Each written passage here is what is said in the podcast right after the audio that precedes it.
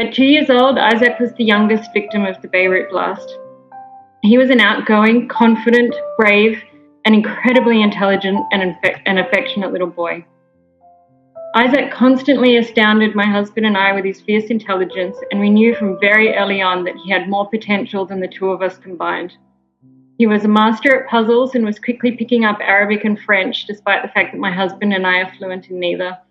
And at two years old, could already count to 25 in French, a feat that astounded his teachers at his beloved daycare. And the fact is, he was thriving in Beirut.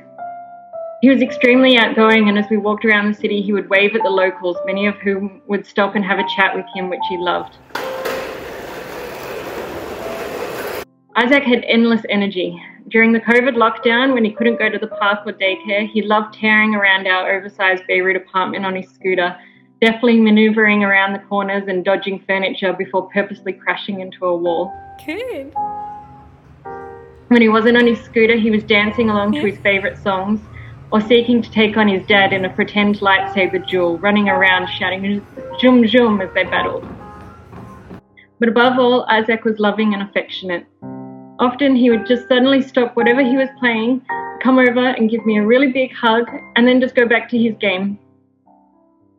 I feel a physical pain at the thought that I'll never receive one of his hugs again.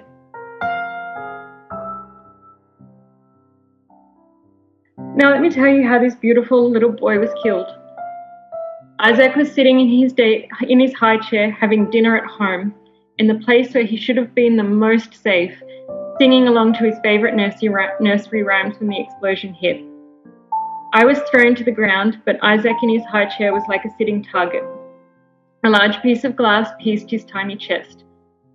Not knowing what happened, my husband and I raced to get help, but the closest hospital, St. George, had been destroyed in the blast. A good Samaritan, who I flagged down on the street, raced us to Rafiq Hariri Hospital, where Isaac died shortly afterwards.